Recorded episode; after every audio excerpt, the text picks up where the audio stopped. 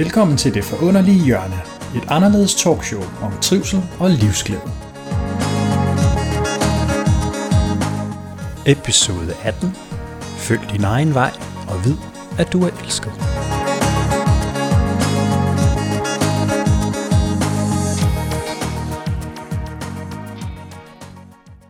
I dag der sidder jeg inde på NEM inde ved Tivoli Hotel, mm. og, eller bare Tivoli. Vi er på et hotel, Ja. og jeg sidder sammen med Monique, ja. Monique Spartalis. Mm. Og man kan sige, at vi har fået lov til at sidde VIP i en eller anden rotunde med de vildeste udsmykninger og noget træ, der var flere tusind år gammelt, blev vi enige om. Ja, det er det nok ikke, Nej, det er men det ser ikke. sådan ud. og det vi skal i dag, Ja. det vi skal høre dig, Monique, Mm. dine tanker, og hvad det er, der er vigtigt for dig i forhold til at stå ved sig selv Mm. og leve et liv, der giver mening. Og du har jo haft en ret interessant historie Mm. i forhold til musik, undervisning, skole, øh, lærer, øh, alt den slags vil jeg meget gerne have dig til at fortælle dig om. Ja. Og hvad det er, der sådan er den røde tråd i Ja. forhold til, hvorfor du egentlig gør det, du gør. Ja. Og jeg skal bare lige sige til lytterne, Mhm. som jo godt ved, at øh, vi optager ude nu, at hvis der kommer nogle Ja. fodtrin eller en, ja. dør, der smækker, så er det altså fordi, vi sådan lidt off the record har fået VIP-rum. Ja. Så der kan godt komme mennesker igennem. Det kan der Men det, det skal vi bare være okay med. Ja. Ja, godt. Monique, kan du ikke lige præsentere dig selv? jo. Jeg hedder Monique Sarau Spartalis faktisk. Øhm, ja, og jeg er lige fyldt 50 år. Jeg er en 1966, og jeg er en lille vandmand. Øhm, og ja, jeg har sunget siden jeg var fire år. Øhm, så på den måde har det jo været starten på den røde tråd. Øh, dertil kom der så en masse andre ting. Så det, jeg lever af i dag, det er at lave koncerter, øh, primært for store virksomheder.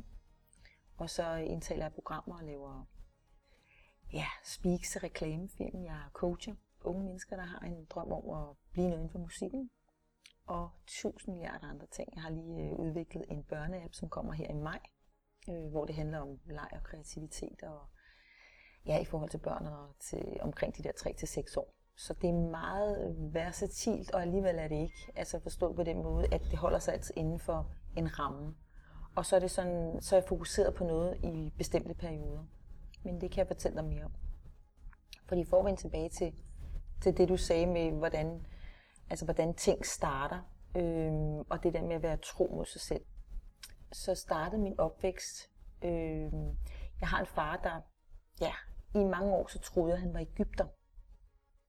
Men han hedder faktisk Dimitris Spartalis, og han har ganske rigtigt boet hele sit liv i Ægypten, men han øh, er altså græker og kommer fra den by, der hedder Sparta, hvis du kan huske alle de her spartaner. Ja, det kan jeg. Var Jeg kan også huske en, en lidt, lidt voldelig film, jeg så. Ja, det tror jeg nok godt, jeg sige. Jeg synes, jeg synes, det var meget fed actionmæssigt, men puha. Men hvor med alting er, så hans forfædre, de tager så fra Sparta til De der 300 Alexandria. mennesker, de var de dengang, ja. mange, det. Øh, og, det, og de tager så til Alexandria i Ægypten og bosætter sig der. Så hele min families ophav er sådan et øh, konglomerat, altså det er mange forskellige mennesker samlet. Altså for eksempel min, øh, min farmor, hun er syr og øh, tyrker. Og min bedstefar er så øh, græker, ikke? Og så bor de så i Ægypten. Og det jeg vil hen til, det er, at de er katolikker, så de er simpelthen ikke muslimer. Og det har en betydning i forhold til, at jeg er vokset op katolsk. Og når man vokser op katolsk, jeg havde en dansk mor, eller jeg har en dansk mor, som konverterede til katolicismen. Og inden for katolicismen er der jo selvfølgelig, som der er mange religioner, regler og, og ting, man gør og ting, man ikke gør. Og pointen er, at øh, inden for den katolske tro, når man er 8 år, så skal man ind til første kommunion. Og det var så for så vidt også meget godt, at man bekræfter sin tro, som man jo ikke kan, når man bliver døbt. Og så sker det samme igen, når man er 14.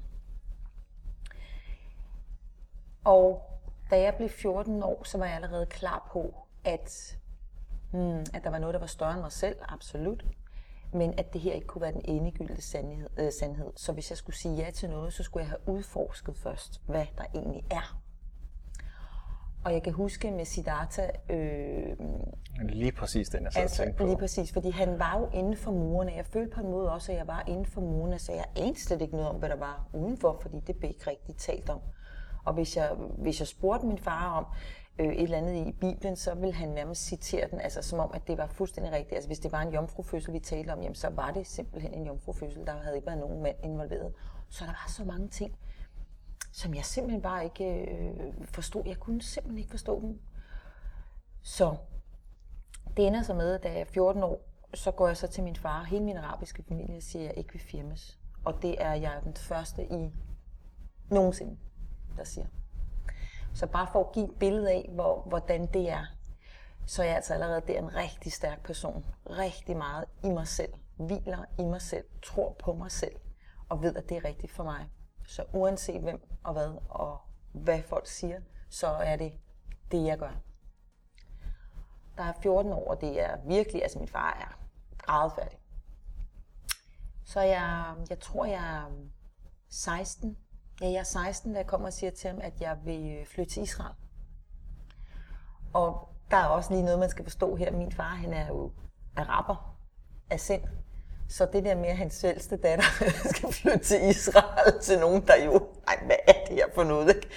Åh, der var simpelthen, og det vil han ikke tillade. Og jeg tænker, jamen altså, jeg er sikker på, at Gud mener, at jeg er en fri sjæl, og hvad jeg ligesom føler, jeg skal, det skal jeg, og det er jo den quest, jeg er på.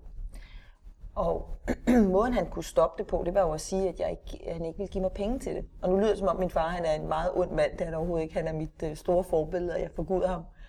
Øhm, men det der, det tog han simpelthen ikke.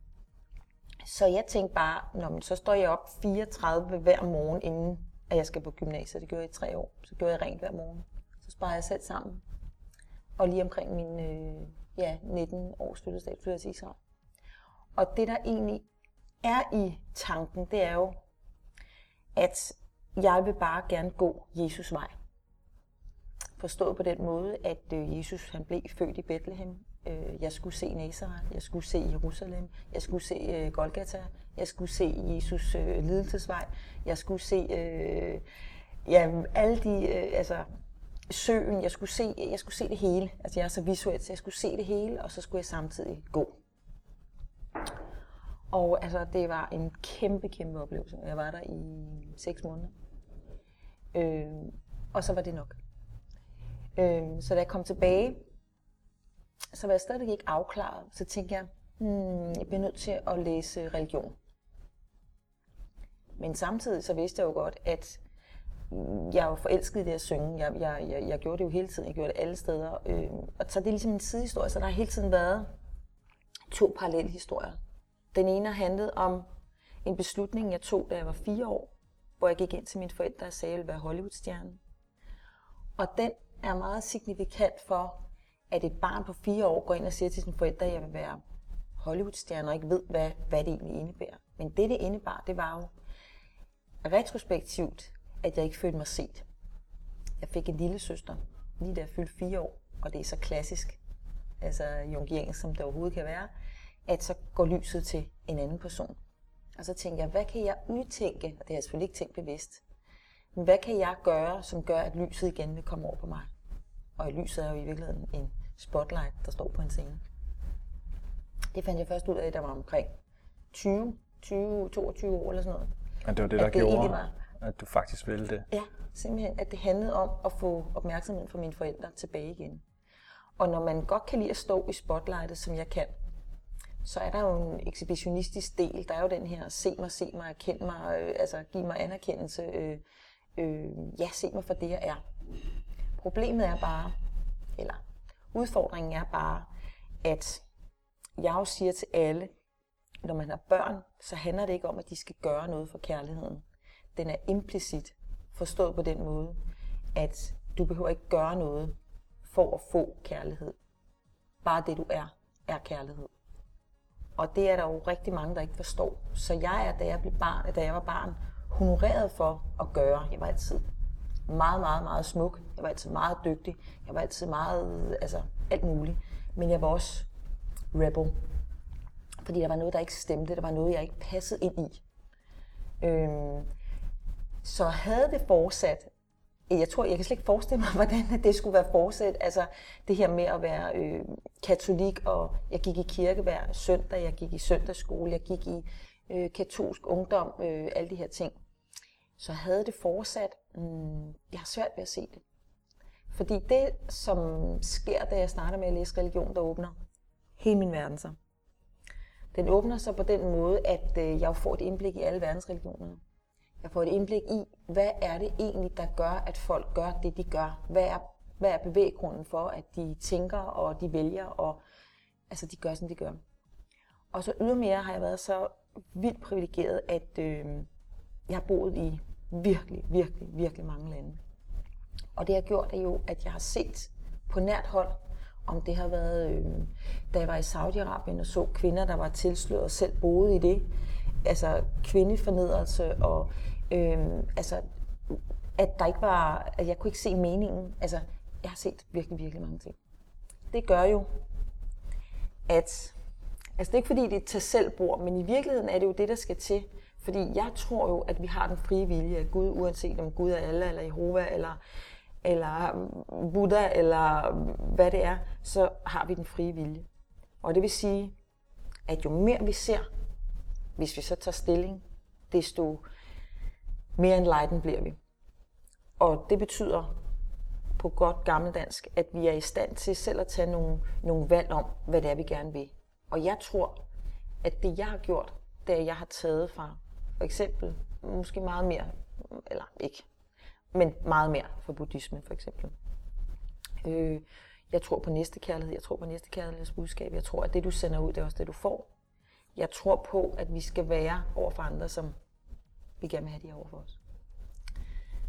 Så, så de to parallelle historier, de, øh, de følges faktisk stadigvæk. Så, så øh, jeg fik jo allerede en pladekontrakt, da jeg var 17 år, på et meget, meget stort pladeselskab herhjemme. Men jeg læste jo religion der, og så sagde alle til mig, vil du ikke, vil du ikke øh, stoppe dine studier, og vil du ikke bare hellige dig det? Og meget, meget mærkeligt. Jeg har en intuition og en mavefornemmelse, som jeg takker for hver eneste dag. Det var bare, at jeg vidste bare, at jeg skulle gøre det her færdigt.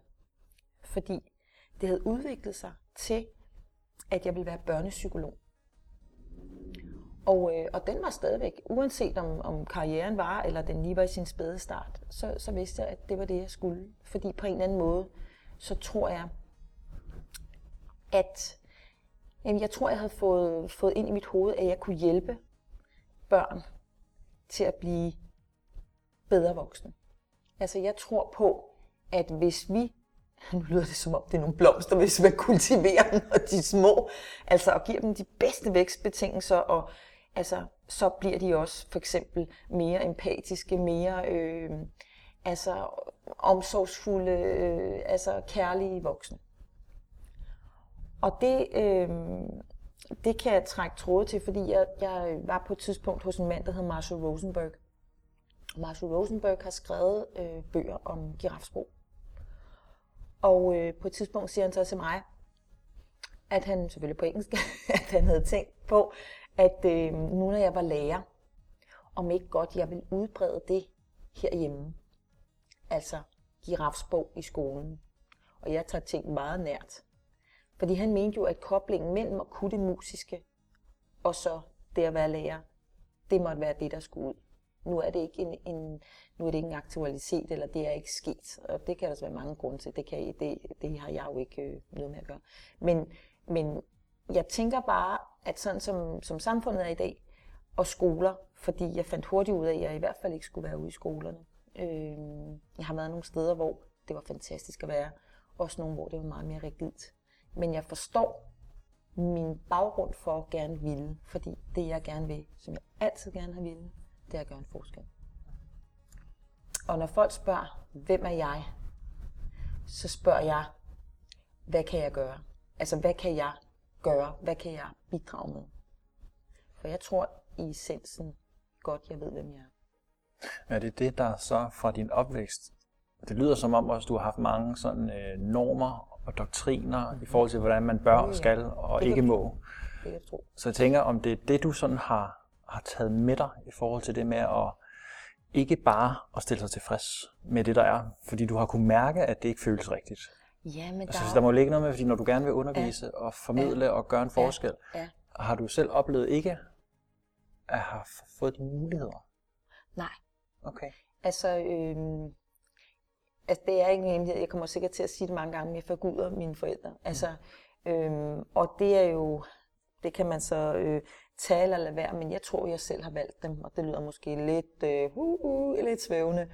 Øhm, og jeg kan huske, da jeg fyldte 30, der øh, holdt jeg en meget stor fest, og der øh, holdt jeg en tale hvor jeg sagde til alle gæsterne, at jeg havde valgt de her to mennesker som mine forældre. Fordi den dynamik mellem de to, det er det, jeg skal lære af. Jeg skal lære, hvordan jeg manøvrerer i det vand. For det har ikke været øh, nemt. Fordi på den ene side havde jeg en far, der var, hvor der var rigtig meget, at ting skal være på en bestemt måde. Mine forældre blev skilt efter 21 års ægteskab.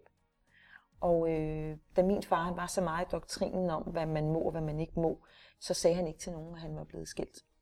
For det var så, øh, vi, vi, vi kalder det at tabe ansigt. Mm. Øhm, og det gjorde han isoleret sig rigtig meget. Det var min mor, der ville øh, skilles for ham. Og det betyder jo bare, at jeg synes jo, det er synd, fordi jeg elsker sandhed. Jeg er sandhedssøgende. Jeg kan ikke, jeg kan ikke rumme løgn. Altså løgn og forstillelse, det er ikke en del af min verden, og så er det jo alligevel, og det vil jeg vende tilbage til. Fordi jeg har jo valgt et erhverv, hvor image is everything. Og jeg kan huske, at jeg sagde, da jeg var barn, øh, fake it till you make it. Så der har været sådan nogle ting. Men det er egentlig bare for at sige, at i den katolske kirke, der bliver man ikke skilt. It's forever. Der er ikke abortion.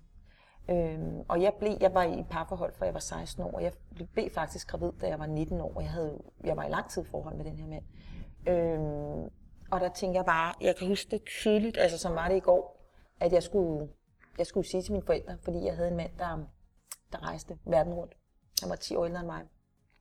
Og jeg skulle sige til mine forældre, at øh, jeg altså ikke ville have det her barn.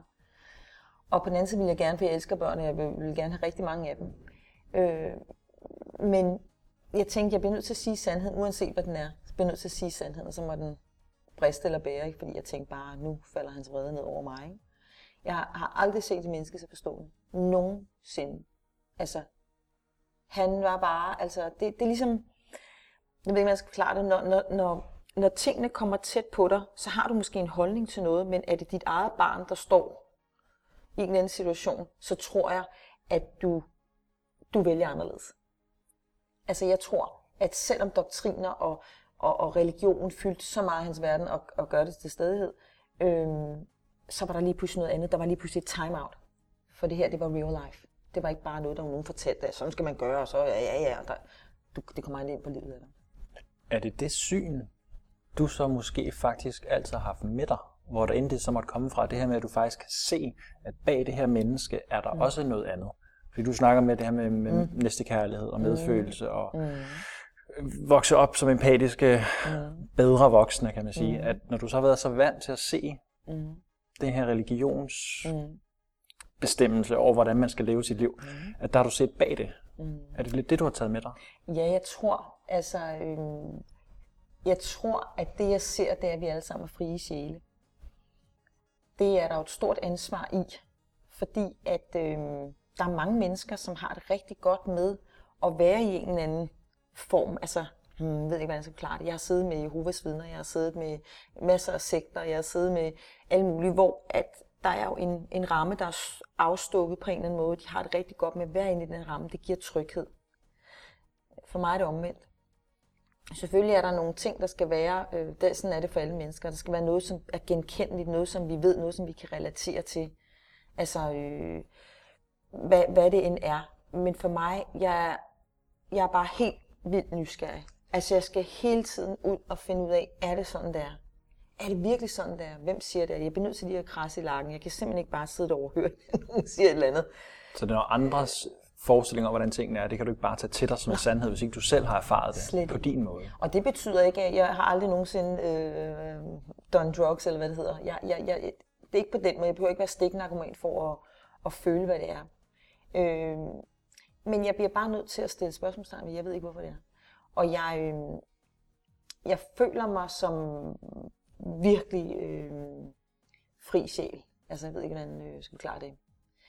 Øh, og så har det jo været sådan i perioder, at jeg... Øh, altså, jeg simpelthen bare søgte alt det spirituelle. Jeg kunne simpelthen ikke få nok. Jeg, jamen, jeg, jeg, øh, nu har, er du ikke hjemme hos mig, men hvis du var hjemme hos mig, så ville du jamen, altså, falde bagover med alle de bøger, jeg har læst. Altså, det spirituelle bøger, udvikling og være et eller andet sted, fordi jeg skulle bare suge alt det til mig, hvad de siger, hvorfor siger de det, hvad, hvad får dem til at tænke sådan og sådan og sådan. det har givet mig helt vildt meget. Så på et tidspunkt var det bare fuldstændig stop. Skulle jeg ikke læse en bog. Det var som om, nu var det nok. Nu havde jeg ligesom fået ind. Det betyder ikke, at udviklingen er stoppet. det betyder bare, altså, det handler om at finde sig selv som autoritet. Og jeg har haft rigtig, rigtig svært med andre autoriteter. Indtil jeg finder ud af, vi siger altid, at hvis der er et eller andet, hvis du ser et menneske, og der er et eller andet, der bare irriterer dig ved det menneske, du har måske oplevet det. Du kommer ind i et lokale, hvor du bare, du kender slet ikke personen, men du, du har allerede udset dig en, som du bare har aversion mod. Og det er svært nogle gange at finde ud af, hvad det er, der rører sig. Men hvis du virkelig kigger på den person, prøver at sætte dig ind i, hvad er det lige, der trigger mig her ved den her person, så vil du finde ud af, at lige præcis den ting eller den side i den person, det er det, du heller ikke kan rumme i dig selv.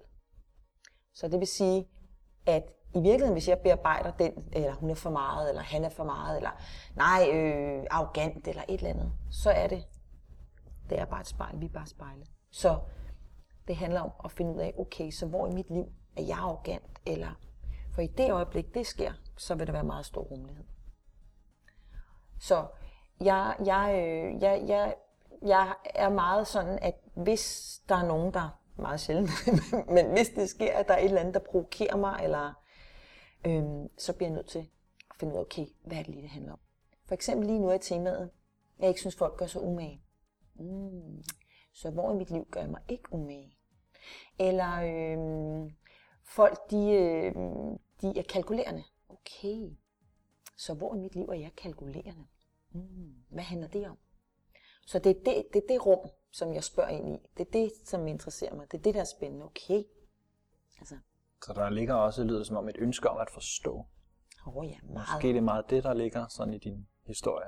Rigtig at ville meget. forstå, hvorfor mennesker gør, som de gør. Ja. Og så tage den hjem og sige, okay, men hvordan, hvor er jeg, hvor er min plads i verden i det her? Fuldstændig. Og jeg tænker også, hvis det har været det, der har været gennemgående, og du har været opvokset med nogle doktriner omkring, hvad man skal og ikke skal, mm. så er det jo også interessant, at du bliver rebellen og skal ud, og du flytter, og du vil ikke katolicismen, og altså, mm. du gør alt det, som de faktisk ikke vil have. Ja, ja. præcis. Øh, men hvordan har det så været for dig mm. at flytte dig ind i et musisk univers med netop image, mm. og så stadig kunne være den, der kan stå øh, sand og ægte, mm. og bevare din egen øh, autoritet, og være tro mod dig selv, når der er så mange holdninger og agendaer, hvor folk de dømmer dig, og det kan gå ud af din karriere. Uh, ja, det. Nå, det er det. Ja, ja, det kan det. Fordi at være, være ægte og sand betyder også nogle gange, at man skal sige og gøre noget, som faktisk ikke er populært. Hvis det er det rigtige. Du helt ret. Og ligesom du så fint et eller andet sted gjorde dengang, at du stod ene mod et helt samfund, eller hvem der mm. har været, og sagde, jeg vil ikke det her, jeg skal mm. noget andet. Mm. Det er filme svært. Det er rigtig svært. Især når der er konsekvenser. Men det er jo igen, når du tænker det der med, hvilket plan det ligger på. Mm. Øh, og også når du snakker det spirituelle, at, mm at hvis det er det rigtige og det etisk forsvarlige at gøre, så skal man jo gøre det uanset, hvordan personligheden har det med det. Uanset hvad dine gamle holdninger og tanker måtte være. Mm. Det er bare ikke altid lige nemt. Nej, jeg tror, det handler meget om mod. Og jeg så tror jeg, det handler om den fornemmelse af, at der ikke er nogen anden vej. Altså, for hvis du er øh, truth seeking, så er det det, der er din guld. Og, og, og den kan ikke omgås med lemfældighed. Men man kan sige, øh, af, af min branche, og, og øh, det er meget sjovt, fordi jeg har jo tit talt med mennesker. Nu lyder det meget blærervåsagtigt, sådan skal det ikke være. Sådan skal det ikke opfattes. Klar hvordan. Det er, jeg, jeg tror hver dag er der nogen, der siger til mig, at de ikke kan forstå, at jeg ikke er verdensstjerne. Jeg skal prøve at fortælle dig, hvorfor. For jeg ved, at jeg har fået den her kæmpe store gave af Gud. Men det interesserer mig ikke at være verdensstjerne. Øhm, og det har jeg virkelig brugt øh, rigtig lang tid på. Mm fordi det interesserer mig ikke at være øh, kendt, eller, og så er det heller ikke helt rigtigt, fordi for at komme ud og røre så mange mennesker som muligt med sang, fordi det er det, jeg har fået. Jeg har fået en evne til at kunne røre dig, kunne røre ikke dig, men din sjæl. Så din sjæl lytter. Det kræver jo, hvis jeg gerne vil ramme mange, så kræver det jo alligevel, at jeg står i lyset, så nogen kan se mig. Og om ikke andet se mig, så i hvert fald høre mig. Så jeg kunne godt være i bladene hver dag. Øh, nu har jeg så prøvet at lave en lille øh, udfordring med mig selv, så det skal jeg så. Hver dag skal jeg være i bladene. Så nu er jeg ude til noget hver dag. For det kan jeg være. Men det giver ikke min sjæl øh, tilfredshed andet end hvis jeg tænker, at der er et formål med det, jeg gør. Øh, image er en stor del af, af vores øh, branche. Og der, hvor jeg følte mig rigtig begrænset, jeg kan huske en gang, jeg skulle ind i et talkshow, og jeg skulle diskutere øh, religion med altså rigtig høje spidser. Og så fik jeg et opkald, opkald fra min far, som på øh, gebrokken øh, dansk sagde, at det går ikke, du ikke gå ind og diskutere religion. Nej, nej, nej. Det er bare under ingen omstændighed. Fordi han mente, at det skulle jeg ikke. Ligesom hvis jeg skulle, jeg havde bestemt mig for, at jeg ville, øh, jeg ville, ja, jeg er måske noget inden for politik. Nej, nej, nej, nej, nej. Jeg følger godt, hvad han siger. Nogle gange så tænker jeg, at vi mangler for lidt nogen, der har statement herhjemme. Altså musikere. Det er der, hvor jeg føler, at vi ikke rigtig bruger vores platform. Alle os, der, der kan noget. Jeg glemmer aldrig for eksempel, det er et godt eksempel. Sanne Salomonsen, jeg elsker hende over alt jorden. Da hun blev syg, så øh, brugte hun jo faktisk sin sygdom til at råbe samfundet op og sige, prøv at høre, hvis ikke at jeg havde fået den her sygdom og var kommet inden klokken 3 og fået noget, der hedder en trombolyse, altså noget, der op, ophæver, altså det opløser øh, blodpropper, så havde jeg været død eller lam eller whatever. Det blev der jo ligesom, altså der blev taget færre. Og nu er det sådan, at man kan få lavet en trombolyse, om man kommer ind efter klokken 3. Altså for eksempel bare sådan noget, der er helt implicit, hvor man tænker, det lyder da som det dummeste. Så på den måde har man brugt sin platform. Kim Larsen har brugt sin platform. Der er rigtig mange, altså Anne behælker. det er, den, det er den gamle generation. De nye, den bruger den ikke. De nye, det er meget interessant, der handler om nærmest øh, non-personality, just fitting in, just alligevel blending, ikke? men øh, det rører bare ikke noget. Det er, øh, det er hurtigt brugt, det er hurtigt væk. Så i virkeligheden, så handler det om at have så meget mod, så at jeg kunne skrive, for eksempel på min Facebook-profil, øh, det her er outrageous, altså for eksempel, eller det her skal vi ikke finde os i, eller jeg synes, vi skal gøre, eller grunden til, at folk ikke gør det, det er, fordi det, der betyder allermest for dem, de er bange for, at det vil påvirke, lad os sige, salgstal, eller nej, så er der mange mennesker, der ikke kan lide mig, ergo, så kan jeg ikke komme ud og lave koncerter, eller sælge plader, nu er det ikke plader mere, nu er det streaming det hele. Øhm, så jeg tror, ja, og nogen tænker sikkert, at man skal ikke, øh, man skal ikke blande skidt og snot, eller hvad det er. Jeg synes bare, det er ærgerligt. Og jeg er selv en del af det. Fordi jeg lover dig, hver dag, der kunne jeg sige et eller andet om, hvad jeg synes, der er skandaløst. Herhjemme, for eksempel. Eller skandaløst, altså om det er dyrevelfærd, jeg er øh, klar på øh, dyrepoliti for eksempel, eller om det er flygtningepolitikken, eller om det er øh, madvarer og alt, vi putter i, eller medicin, eller jeg siger til dig, at jeg kunne holde foredrag.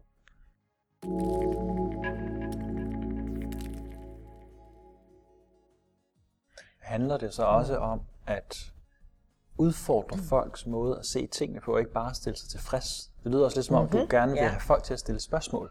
Absolut. Og jeg tænker om ikke, at, at din sang er noget at få noget ud til andre folks sanser, så de netop stopper op og lige tænker, hey, jamen, hvad betyder det her for mig? Mm. Få dem til at question det, der egentlig er. Jeg tror endnu mere, at det, der ligger bag, altså for eksempel det sidste album, jeg skrev, øh, som handler om grateful, altså det, det handler om at være grateful. Øh, det handler jo, altså det handler om at kunne skabe, altså være katalysator. Der var en, der sagde det så smukt her forleden dag, at øh, det handler både om, jeg så et program om Michael Jackson i går, at det han var så eminent til at gøre, det var jo at skrive, så det var en universel tekst, men samtidig personlig. Personlig, men samtidig universel. Det vil sige, at et hvert menneske, der lytter til Heal the world, make it a better place for you and for me and for... Altså, så altså, når, når han synger den, så altså, jeg tudbrøler simpelthen. Fordi det, det handler om, det er, at han har set noget, og jeg mærker, at han sov over, at vi ikke bare kan hele verden, at vi ikke bare kan være enige, at vi ikke bare kan stoppe med at bekrige hinanden. Så det er den refleksion, han planter i mennesker. Det er den refleksion, som gør, at jeg måske lige tænker lidt over, om er det værd at skændes med min mand, eller min øh, øh, familiemedlem, eller handler det ikke bare om at have det godt, eller prøve at, at få ting til at fungere, eller tænke lidt mere over, hvad vi gør ved verden, eller ved dyrene. Er det vigtigt at spise dyr? Nej, det er det ikke. Øh, eller tage medicin, hvilket er helt anti. Øh, altså sådan nogle ting der. Så der bliver sat noget i gang. For jeg tror, ikke tror, jeg ved, for jeg har arbejdet med det, at virkeligheden er redigeret. Det vil sige, at de ting, der bliver bragt til os, om det er i aviser, eller om det er på sociale medier, eller om det er i tv-avisen, radioavisen, de er bestemt, de er rettet ind til, at det er det, vi skal høre. Det er den information, vi skal gives. Men i og med, at du giver en information, er der jo så mange informationer udenom, som kan være mere relevante, eller mindre relevante, eller lige så relevante, som du bare ikke, du kommer ikke til dem. De er utilgængelige. Så. Og det betyder jo noget, hvad skal man sige, i, i det store hele, fordi verden er ved at gå under, øh, både øh, er på de mange planer. Øh, så hvis ikke der er nogen, der gør noget og siger noget, så accepterer vi, for det er jo den, den der ikke siger samtykker. Så, så vil det jo være, at verden til sidst forgår, som der er nogen, der siger, dommedag er nær. Hvordan har det været, når du så ikke et eller andet sted kan mærke, at forstillelse mm. og at tage noget på sig, som egentlig ikke er sandt for dig, men bare fordi andre siger det på grund af en tekst, mm. at vokse op i det, og så gå i det her med at skulle være sanger, mm. Og så stadig kunne holde dig selv på rette kurs. For jeg mm. tænker, det lød også, inden vi startede interviewet på dig, som om mm. der har været nogle detours. Mm. Hvor oh, det her med God. at sige, glemme lidt, hey, hvem er det egentlig, jeg er, og hvad er vigtigst for mig? Mm. Fordi man nemt kan fortabe sig, som jeg kunne stå mm. på dig i, måske netop imageverdenen, mm. musikken og... Mm. Fordi det her med, når du så bliver uddannet lærer og mm. underviser, og du laver en app til børn, der er en, mm det må være mere hen i den stil at få folk til netop at mærke, at der er så meget andet ved livet. Det kan da ikke være rigtigt, at vi skal tænke krig, og mm. folk skal være sure på hinanden. Mm. Vi skal da have det mm. godt her. Mm. Så hvad, hvad, hvad er der sket, som sådan har været øh, kendetegnende oplevelser for dig?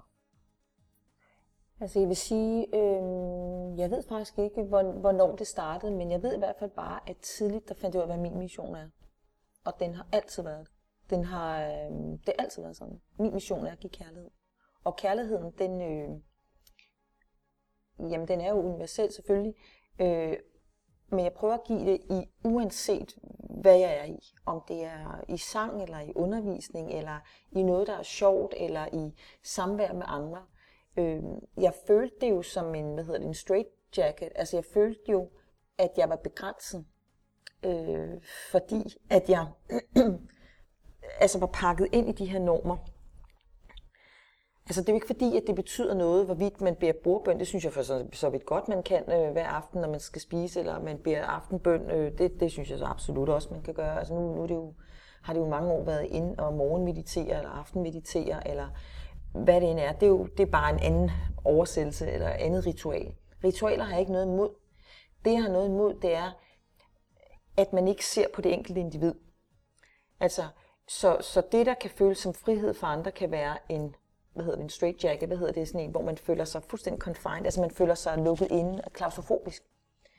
Øhm, jeg kan for eksempel se på min lille søster, der er fire år, lidt over fire år yngre end mig, at hun øh, også sagde nej til det. Fordi jeg tror, at det, der har været mit lod, det er, at jeg er frontkæmperen. Jeg er den, der går forrest. Jeg er den, der bryder ned. Jeg er den, der siger nej. Er det rigtigt? Øh, stiller spørgsmålstegn. Og når jeg gør det, så er der jo andre, der også tør gøre det. Fordi jeg kommer løbende lige i, i, i bagenden af min søster. Ikke? Hun, hun, hun, hun gjorde det ikke. Nå, så det vil jeg heller ikke. Nej, jeg ved det virkelig ikke. Okay, nå, så er det mere sådan, okay, nå, jamen storsøster har, vi har jo taget hele den der tur, nå, skidt med hende, ikke? Altså, okay, så gør ja, hun det. du har ligesom banevejen. Jeg har banevejen. Og det tror jeg har gjort sindssygt meget. Så konklusionen tænker jeg, når jeg der er 30 år, holder den her tale om, at jeg har valgt mine forældre, så er det jo fordi, jeg skal lære mine forældre. Mm. Men de lærer mig. De ser mig. De ser mig gøre og sige. Det lærer dem noget. Jeg har det bedste eksempel. Jeg, øh, helt før jeg var barn, der krammede jeg altid folk. Og for rigtig mange mennesker var det jo meget øh, grænseoverskridende, da jeg blev ældre. Specielt for eksempel for min mors familie. Jeg blev ved med at gøre det. Jeg blev ved med at kramme dem. Skide især, ikke? Jeg blev ved med at kramme dem, ikke? Så i dag krammer de alle. Så det er egentlig for at sige, at hvis du bliver ved med at være tro mod det, så vil du ændre noget. Og jeg tror jo dybt på, at din adfærd og det, som du sender ud, det du tror, hvis jeg kun sender kærlighed, kun sender kærlighed, så på et tidspunkt vil selv den hårdeste bløde op. Jeg har et meget godt eksempel for, mm. i forhold til det. Øh, med en, som jeg på et tidspunkt var mentor for. Mm. Øh, og vedkommende var meget, øh, kaldt det rigid, men mm. han var lidt negativ øh, og holdt meget på sine overbevisninger. Det er klart, han har også haft en historie, som tydeligt for ham har været svær. Mm. Og man kan godt blive frustreret, hvis man igen, igen, igen møder stød af panden mod en mur. Ikke? Mm. Øh, så der var sammen med ham, og vi skulle snakke om de ting, der var vigtige for hans proces, og hvad vi nu skulle lave. Mm så var der simpelthen så meget modstand, og han var, han var i, altså sådan tolkede jeg det, altså, fordi han rykkede sig ikke ud af stedet, og det snakkede du også om tidligere. Det var bare, der, det var bare interessant for mig også, fordi jeg kunne selv huske det fra min egen opvækst, når jeg også selv haft det, ikke? at folk ikke rykkede sig. Nej, det er sådan her, det er. Og uanset hvor uenig man var, så, øh, så holdt folk stedigt fast. Ikke? Så det var okay for mig, men jeg kunne godt mærke, okay, det er lidt op ad bakke. øh, men så tænkte jeg, okay, fint. For jeg ved jo godt, det er jo det, der går galt mellem mennesker, det er, at vi holder mm. fast i vores fordomme mm. overbevisninger, og vi mm. lader negativitet hænge fast. Og så tænker jeg, okay, jeg må lige møde ham åbent mm. igen, og sige, hvordan kan jeg ellers møde det her menneske? Mm.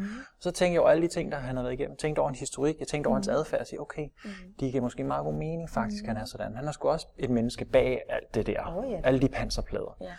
Jeg okay, han skal simpelthen, han skal, han skal kvæles med kærlighed. Mm. Han skal simpelthen bare have kærlighed, kærlighed og kærlighed. Det er det. Så uanset hvad han gjorde, jeg kan love for en af mine, mine medkollegaer der, puha, hun kunne næsten ikke være i det. Nej. Men jeg mødte ham bare venligt, ja. ærligt, kærligt, igen og igen og igen. Ja. Øh, og det var ret interessant efter et halvt år at så se, hvordan vi faktisk havde super godt forhold. Mm. Over for mig var han lige pludselig heller ikke længere ham, der var sådan stod, stod på sine holdninger. Nej. Der var han lidt mere blød lige pludselig. Mm. Men det var ikke fordi, at jeg skulle ændre ham. Men jeg tænkte bare, at det må simpelthen være strategien, for det er jo ikke noget, jeg møder ham hårdt med hårdt. Hvorfor skulle jeg gøre det? Slet, det er jo bare, øh, det er det, jo bare mit eget. Jo. Præcis. Mm-hmm. Så hvis han har været nogle svære ting igennem, så er det det modsatte, han aldrig har oplevet. Det er det, han skal have. Mm-hmm.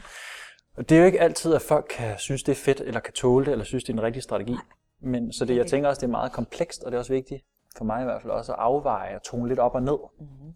Ui. Fordi der er også nogen, så kan det føles som et overgreb, oh, ja. hvis man krammer. Kan du følge mig? Ja, så færdig, ja.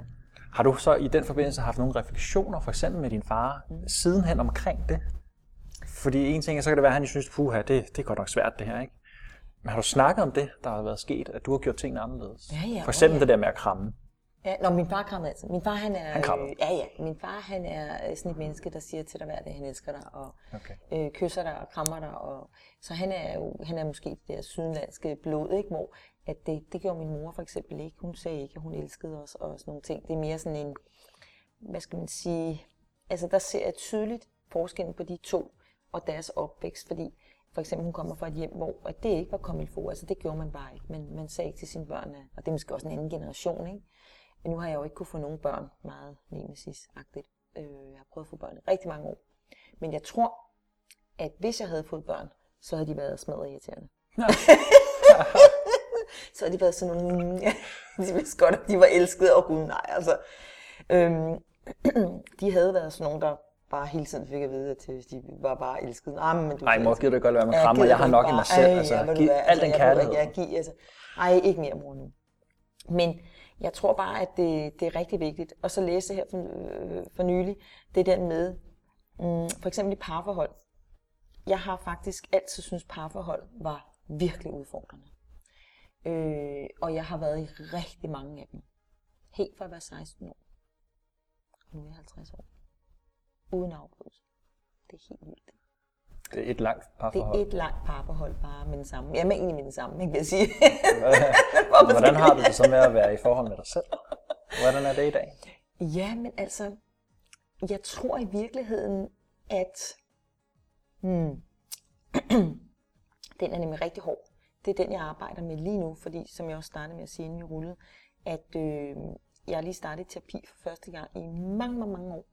Fordi på trods af, at jeg er alt det, jeg er, med alt, hvad, der, hvad det indebærer, så er der stadigvæk nogle mønstre, som jeg ikke kan finde ud af at bryde.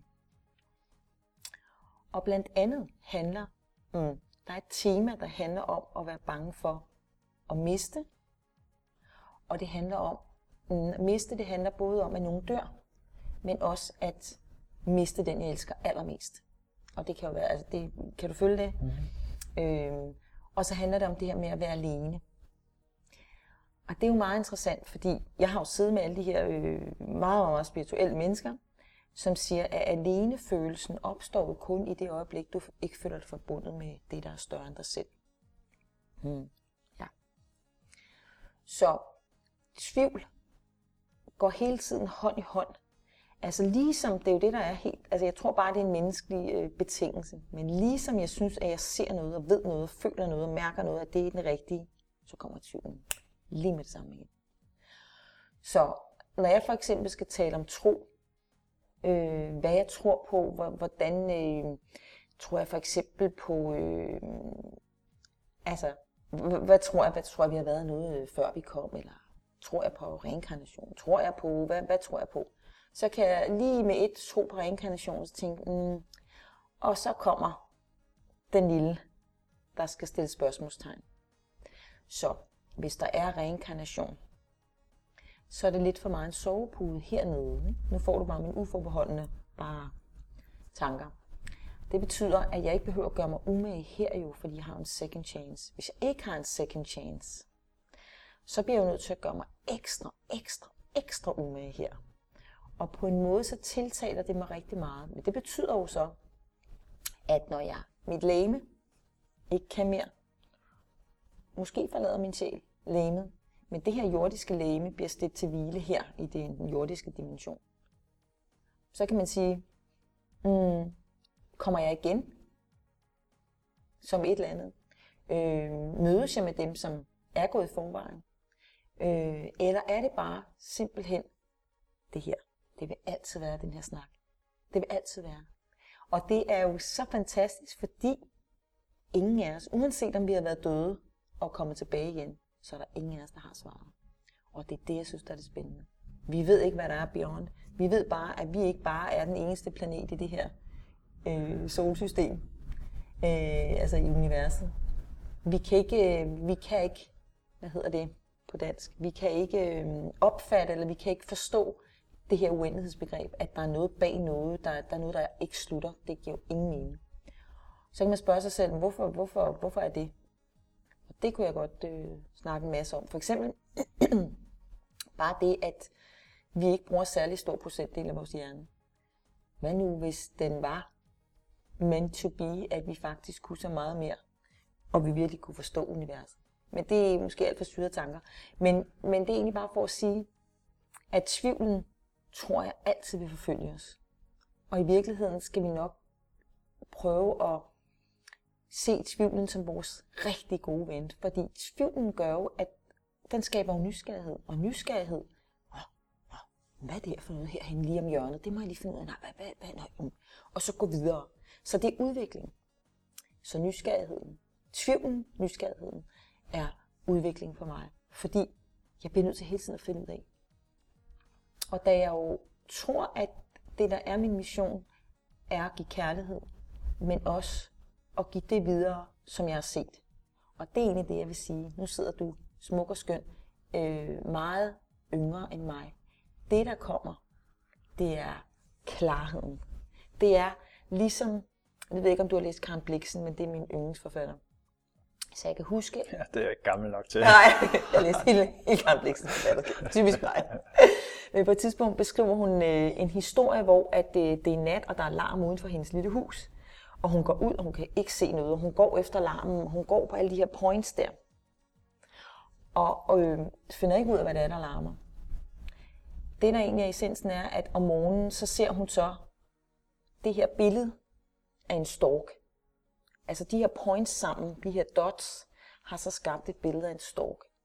Det er egentlig for at sige, at hvis du står meget, meget tæt på maleriet, så ser du ikke the bigger picture. Men i det øjeblik, at du træder fra, og det er det år gør, så lige pludselig ser du, okay, så det var det, der var meningen. Det var det, det betød. Det var det, det, det ligesom viste. Så da jeg var bare din alder, der var jeg mm, stadig meget øh, søgende og ude og sad med alle de her mennesker ude i verden. Og jeg sad blandt andet med Eckhart Tolle i, øh, i Indien. Det er ham, der har skrevet Nuets Kraft. Og øh, altså, hvor at, at det bare blev rigtig klart for mig. Han sagde til mig på et tidspunkt, øh, altså jeg havde en, en udfordring, så siger han til mig, You know what? This too will pass. Og this too will pass, betyder, at uanset om det er godt eller skidt, så for livet er bare bølger. Det er bare. Og det eneste, du har, det er nuet. Og nuet er jo en flygtig størrelse. Men han sagde til mig, og det er jo også det, han skriver i nuets kraft, at han sagde nu, nu, nu, nu, nu, nu, nu, nu. Altså, forstået på den måde, at hvis du dyrker nuet, så sagde han til mig, alt er jo perfekt i nuet. Ja, det er perfekt i nuet. Så, så jeg tror nogle gange, at det jeg gør, fordi jeg har virkelig øh, været igennem nogle, nogle ture øh, de sidste jeg vil sige, fire, fire, fem år har været de mest udfordrende i hele mit liv. Er det der, hvor dit eget lys det flakker, og du ligesom møder tvivlen og glemmer lidt, hvad det egentlig er, der er vigtigt for Ja, øh, altså for eksempel kan jeg give dig et eksempel, at øh, min far blev lagt til at dø øh, for to år siden. Og det kommer jo selvfølgelig som altså, det største chok overhovedet, fordi jeg tror, at han har fået en blodprop, og det viser sig så, at hans hovedpulsår den er revnet, og det dør man af inden 15 minutter. Og øh, min far er så afsindig stærk i troen. Så jeg blev nødt til også at være stærk i troen og tænke, okay, øh, vi sidder her, vi beder. Så hver dag, jeg bevægede mig slet ikke ud fra hospitalet, så hver dag sad jeg, og så bad jeg med ham om, at vi tror på mirakler. Og, øh, og han skulle jo komme til erkendelsen af, nu var det nu, at han skulle give slip. Og øh, på 8. dagen, jeg har ikke forladt hans stue, på 8. dagen om natten, der drømmer jeg, at han er blevet fejldiagnostiseret. Og der bliver sagt til mig, hvad jeg skal sige til lægerne. Ord, som jeg overhovedet ikke kender. Så om morgenen siger jeg det, og sidder med en amerikansk læge på et dansk sygehus. Og så siger jeg på engelsk, I need a second opinion. Og han kigger på mig og siger, of course you do. Og den morgen bliver alt sat i gang. Alle hospitaler i hele Danmark. Så om morgenen bliver min far eskorteret og bliver opereret. Øh, politieskorteret. Øh, vi kører i ambulance, min kæreste er bagved, og øh, ja. Og aften for inden har jeg været i kirke med ham, og han har fået den sidste olie. Ved du, hvad det er? Det er den sidste olie, det er lige inden man dør. Så får man den i den katolske kirke. Han sad hver dag og sagde, jeg tror på mirakler, jeg tror på mirakler, jeg tror på mirakler. Og om natten sker mirakler. Så, altså jeg kan nærmest ikke engang sige det uden at hyle. Men det er bare for at sige, han er så stærk i troen. Han er afsindig stærk i troen.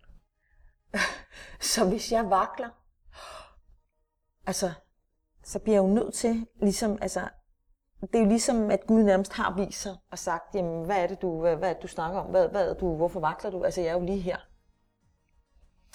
Og altså, han ville være død, hvis ikke jeg havde fået den her åbenbaring. Og hvis ikke, at der var nogen, der havde siddet lige der, den læge, der havde taget den beslutning. Og vi ikke havde siddet og bedt hver dag, så tror jeg ikke, at det havde, vi havde siddet her i dag. Mit far har det godt i dag. Så de havde taget ham af medicin og ventede bare. Vi ventede bare.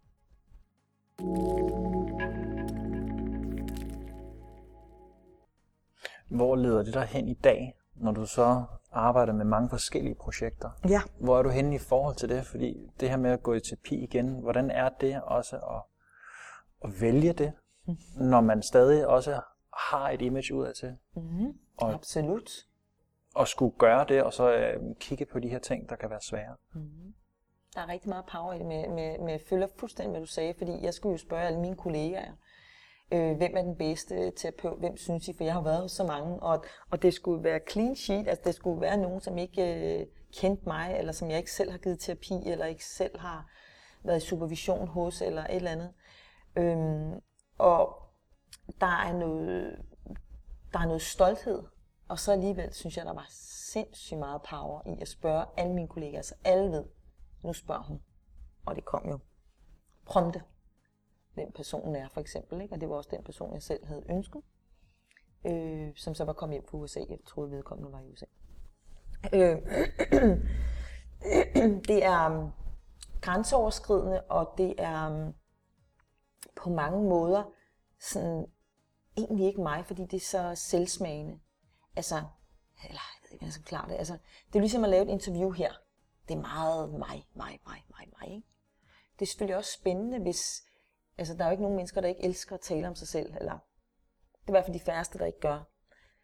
Men stadigvæk, så sidder jeg og tænker, jamen, har vi egentlig ikke alle svarene selv? Altså, øhm, jeg kan bare sige, at jeg, ikke, jeg, har ikke, jeg har ikke kunne løse den her gåde, for eksempel omkring mønstre, øh, i forhold til valg af mænd, for eksempel, eller... Øh, så det er ikke noget problem for dig at faktisk at indrømme, at det er det, du har brug for nu i forhold slet til omverdenen? Nej, nej, slet ikke. Hvordan, jeg siger det højt. Så det, når du så siger det med, at det er selvsmagende, er det ikke der, hvor der er en tråd tilbage til din tvivl i forhold til selvkærligheden? Jo, det kan du sige, men, men den er der stadigvæk. Jeg bliver nødt til at, at anerkende dig og sige, hej, hej, når du var du igen, ja, ja. Hmm.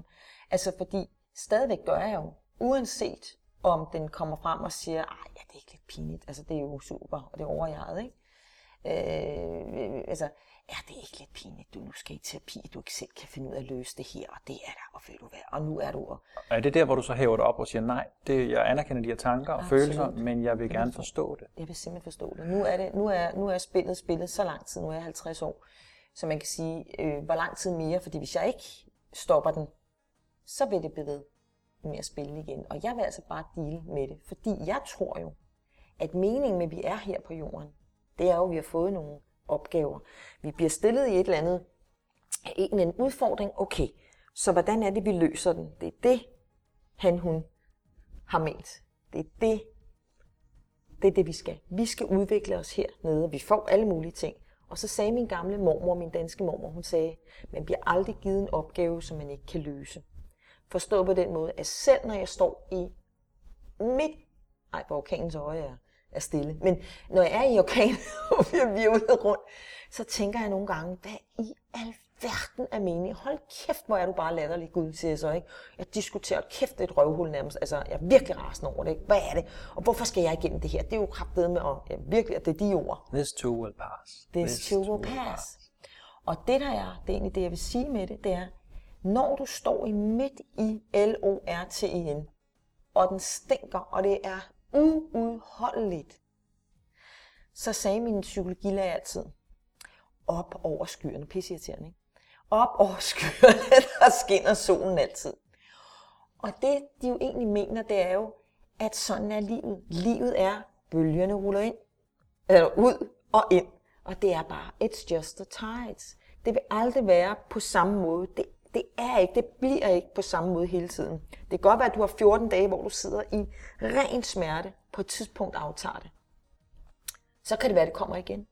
Men det er egentlig for at sige, this too pass bliver afløst af noget andet, så kan det være, at der kommer noget helt tredje, og så noget fjerde. Og, altså, det, det er det, livet er. Men der, hvor jeg tror, jeg er ligesom Siddhartha, det er, at jeg har jo været en, på mange områder virkelig øh, altså center of the universe, altså for min far. Virkelig.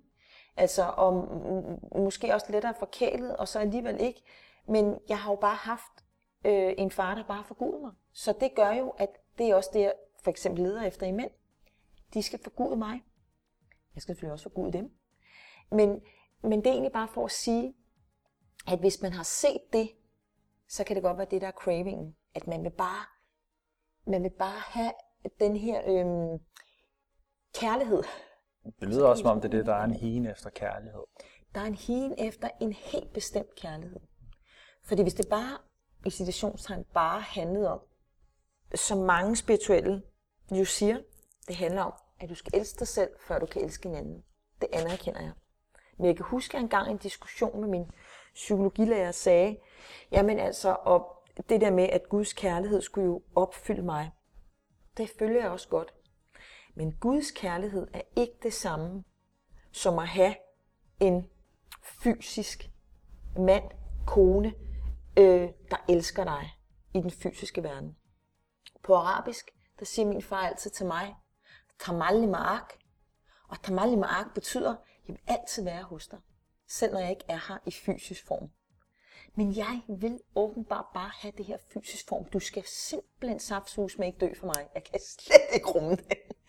Og det er jo det, er jo det at gå imod, altså strid imod, hvad er. Det er jo helt inevitable, og det er præcis som det skal være. Og åbenbart har jeg bare rigtig svært ved det. Jeg finder mig ikke i, at han skal gå. Så meget, så jeg kæmper, ikke? at han ikke skal, skal dø. Nu er han altså 80 år, ikke? og han er syg, han er blind, han kan ikke gå selv. Så øh, det gør ikke, at hans kærlighed øh, er mindre. Han er det mest kærlige menneske, jeg nogensinde har mødt, og det mildeste menneske, jeg nogensinde har mødt. Øhm, så det er jo, altså, det har man jo ikke lyst til at gå med. Altså, det er jo, altså, det er helt så det, ja, så kan vi ånde ned. Men det er bare naturen. Sådan er livet. Ja. Og måske er det det, vi skal lære. At vi skal værdsætte og være grateful for det, der er. Meget mere. Mm.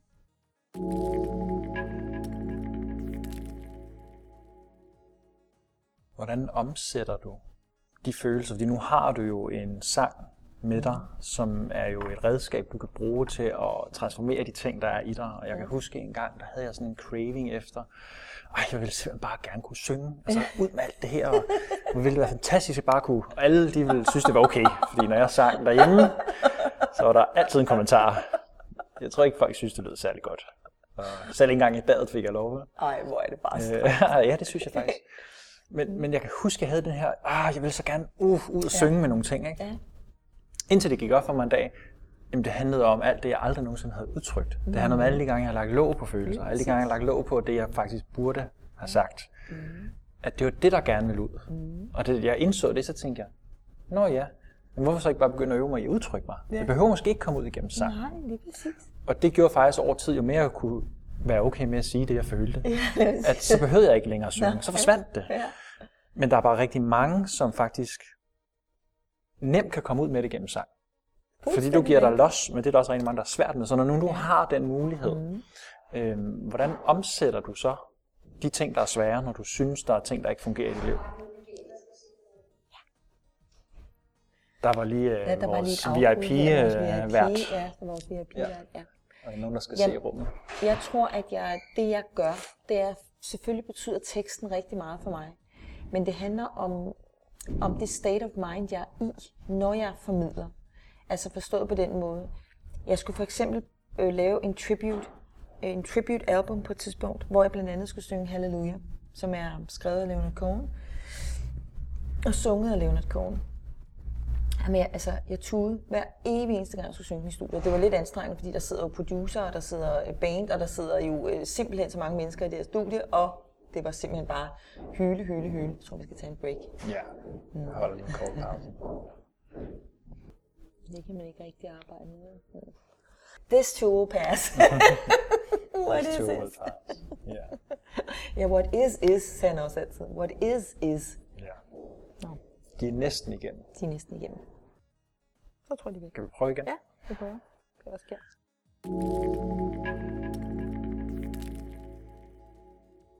Så her da vi blev afbrudt, så er det noget med lige nu med sas. Og lige sige, this too shall also pass. Ja. ja. Så i forhold til det der med, med følelser, mm. øh, når du har det outlet, mm. så bruger du det mm. konstruktivt, forestiller jeg mig. Mm. Ja. Altså for eksempel har jeg det sådan, at når jeg er ked af det, kan jeg jo ikke synge. Altså det, det er virkelig, virkelig svært. Jeg havde en koncert her, øh, ja, for ikke så lang tid siden.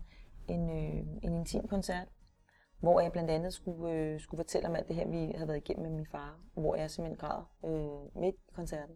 Og det gør jo, at folk også begynder at græde.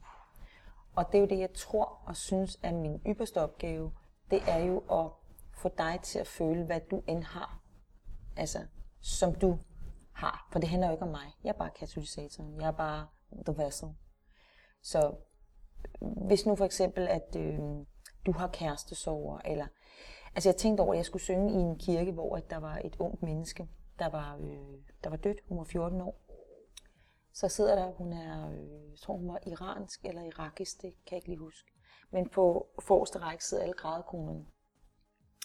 Og de græd jo og græd og græd og græd. Og de er simpelthen hyret til at græde. Fordi nogle gange i vores kultur, så, så kommer de bare ikke ud. Altså så, så, så er det ligesom, ligesom forklapper, man havde i gamle dage, der begyndte at klappe, så begyndte alle andre også at klappe. Øhm, hvor jeg tror, at når vi går ind og ser en film, så er det på samme måde. Øh, jeg skulle med mine gudbørn ind og se Pandabjørn ikke, øh, her forleden dag, ikke? Og, og den var så rørende, at selv jeg sad og græd, ikke? fordi han fandt sin rigtige far. Ikke? Der er så mange arketypiske tematikker, som jo gør, de er jo i os alle sammen. Så hvis jeg kan få dig til at føle det, jeg føler, når jeg for eksempel taler om øh, om miste, altså om det handler om død, eller om det handler om at miste en kæreste, om, om altså, øh, det er mig, der er gået for min kæreste hver eneste gang, det giver jo ingen mening, men alligevel giver det mening, ikke? Når man er bange for at miste, og så er man er den, der forlader, altså det giver jo ingen mening, og så gør det alligevel. Vi har også tendens til at reproducere de traumer, vi går med. Så hvis du er bange for at miste, jamen så... Så repeterer jeg bare. Præcis. Og tænk nu, hvis det var dem, der gik først. Lige præcis, jeg god først. Det er det. Er det ikke smukt? Det er jo en måde at være i kontrol på. Ja, det er nemlig kontrol. Så i stedet for bare at, at gå med, men det er, jo, det er jo igen det, som altså det vender tilbage til, fordi det er derfor, altså, at vi tit mange af os har behov for at være i en bestemt kontekst, fordi det er den, der gør os tryg. Det er det, vi snakker om med comfort zone, ikke? at gå uden, ud af sin comfort zone. Ikke? Øhm, ting, som vil være fuldstændig nemme for dig, vil være helt overskrevet sikkert af min, ikke? og omvendt. Ikke? Altså, det vil tage mig to sekunder at stille mig op og synge her, ikke? fordi det er, det er bare, det ved jeg bare, hvad den er. Men jeg kan huske, at jeg skulle holde foredrag. Øhm, og så tænkte jeg bare, hold da op, man, nu sidder der bare alle de her største spidser inden for dansk erhvervsliv, ikke? primært mænd, og så skal jeg formidle noget. Ikke? Er de overhovedet interesseret i det? Så kom den igen, ikke? Jamen, det kan du da ikke finde ud af. Kan du finde ud af, hvad, hvad du egentlig kan give og sådan noget? Hvor jeg tænker, at i virkeligheden, for at blive så fri i sin sjæl, så skal man i virkeligheden udforske det, som man er nervøs for. Altså, ja, det lyder jo helt, helt gakkelak. Altså. Øh, så skulle man måske blive i forholdet helt til den anden forlod en, ikke? eller jeg ved det ikke, eller også arbejde på det, eller jeg kan huske, at en af mine øh, kollegaer sagde, at hvis man var bange for mørke, så skulle man bare gå gennem min mørk skov om natten. Ikke? Altså, så var der en anden en, der sagde, det tror jeg simpelthen ikke, så får du får et ordentligt traume eller øh, en der chok. Ikke? Øhm, så, så der er jo forskellige måder. Jeg så sådan en udsendelse forleden dag om nogen, der, der havde arachnofobi for eksempel Øhm, hvor, hvordan moden var. Ikke? Det der med, det var over to dage, og det var faktisk inde i sol. Og jeg havde selv en slangefobi, som jeg fik kureret øh, i Thailand. Øh, men, men, men det der med at nærme mig langsomt og forstå, altså der, der er nogle ting, der er gået galt. Altså det er jo et mønster, det er jo noget, der, der ikke er rigtigt. Og vaner for eksempel, det ved du også. Altså, det tager ikke særlig lang tid at få en, en vane. Og endda måske en dårlig vane, det kunne også være en god vane, det er jo dejligt. Men hvis det er en dårlig vane, så kan det jo tage rigtig lang tid, før den, den er ude. Og jeg tror nogle gange, at mønstrene også er dårlige vaner. Så der er bare så mange ting. Men det vigtigste er, at man synes, det er spændende. Og det vigtigste er, at man synes, at det er spændende at lære sig selv at kende. Fordi wow, et eventyr, og altså, det er jo helt vildt. Fordi når du kender dig selv, altså, så er det jo, altså Sokrates sagde, kend dig selv, ikke? Altså, så er der så meget mere rummelighed og forståelse og jamen altså, det er det, det, er det jeg stræber efter.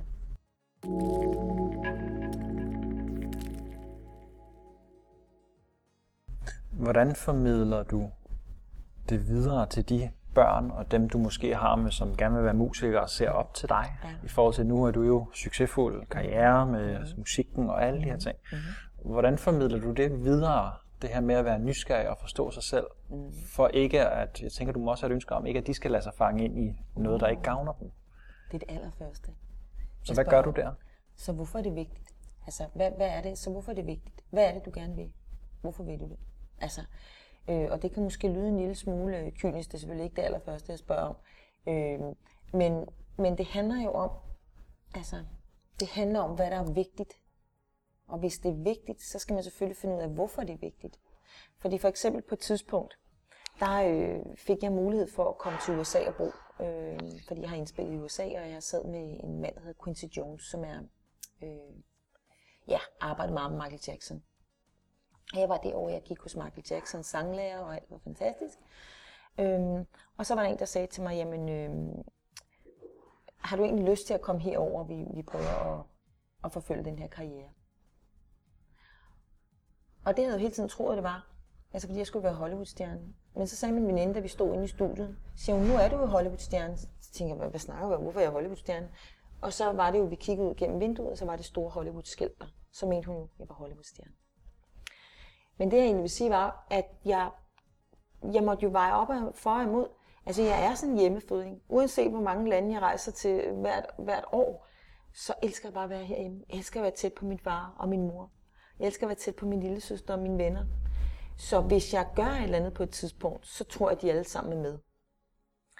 Øhm, så man kan sige, altså, det var åbenbart ikke vigtigt nok. For hvis det var vigtigt nok, så havde jeg gjort det. Så i forhold til de unge, for eksempel er der også nogle gange forældre, der er med. Så siger jeg til forældrene, at de ikke må komme med. Og de bliver sådan nogle gange indineret, hvorfor må vi ikke komme med? Fordi det handler ikke om, hvad du vil som forældre. Du vil sikkert alt det bedste, og det du måske ikke selv har fået indfriet. Og alt sådan noget, men det handler jo om, hvorvidt din unge vil det. Og ofte så, øh, så ved de det ikke. Og, og jeg vil sige, hvis man har et barn, som kommer allerede som treårig eller fireårig og siger et eller andet, så skal du bare gå med den. Ja, selvfølgelig. Jamen altså, fordi this too will pass. Hvis det ikke er rigtigt, så vil det også bare forsvinde. Så vil det transformere sig til noget, noget andet. Altså, ja, det, det, altså, det betyder ikke, at jeg ikke ønskede, at jeg havde været stewardesse. Så ville jeg være arkeolog, så ville jeg være, altså, det var jo, altså, så ville jeg være lastbilschauffør. Altså, jeg tror, at øh, i processen, der er rigtig meget, der, der kommer igennem den her proces. Nå, men det er også spændende, Nå, men det er også spændende. Og på et tidspunkt, så ligger det så fast. Og selvfølgelig kommer der nogen hos mig, som, hvor den ikke har lagt sig fast endnu. For eksempel for min søster. Hun havde ikke den her, den her calling, for hun var helt lille. Så det tog så lang tid for hende, før hun hørte, hvad kaldet var. Og som var noget helt andet, end min far havde bestemt, hvad min far ville. Min far ville have, at jeg skulle være advokat. Han ville have, at min søster skulle være ingeniør. Så han købte en uddannelse til hende. Men det var jo ikke hende. Det var jo ikke at følge hendes hjerne. Og acceptere, at dine børn ikke er dig. De er en del af dig, men de er ikke dig, og de er kun til låns, og de går fuldstændig deres egne veje, fordi det er præcis, som det skal være. Så jeg tror jo, at nogle gange modstanden kan være det, der er den ud, altså største udvikling. På græsk, der betyder krisis, altså krise, udvikling. Det synes jeg er så smukt. Fordi krisen vil altid bringe dig udvikling. Det kan være, at du ikke ser det, men den vil altid bringe dig noget nyt. For den har sat dig i, i, i et sted, hvor du bliver nødt til at tage stilling til. For det første, hvad er det? Hvorfor får jeg det her? Hvad skal jeg lære af det? Øh, og forhåbentlig, som vi altid siger, what doesn't kill you makes you stronger. Altså, så næste gang, så har jeg den erfaring, okay, jeg har altså stået her i midt i den her storm og virvelvind, og det var fandme ikke godt, men altså, jeg ved sådan trods alt, hvad jeg skal nu.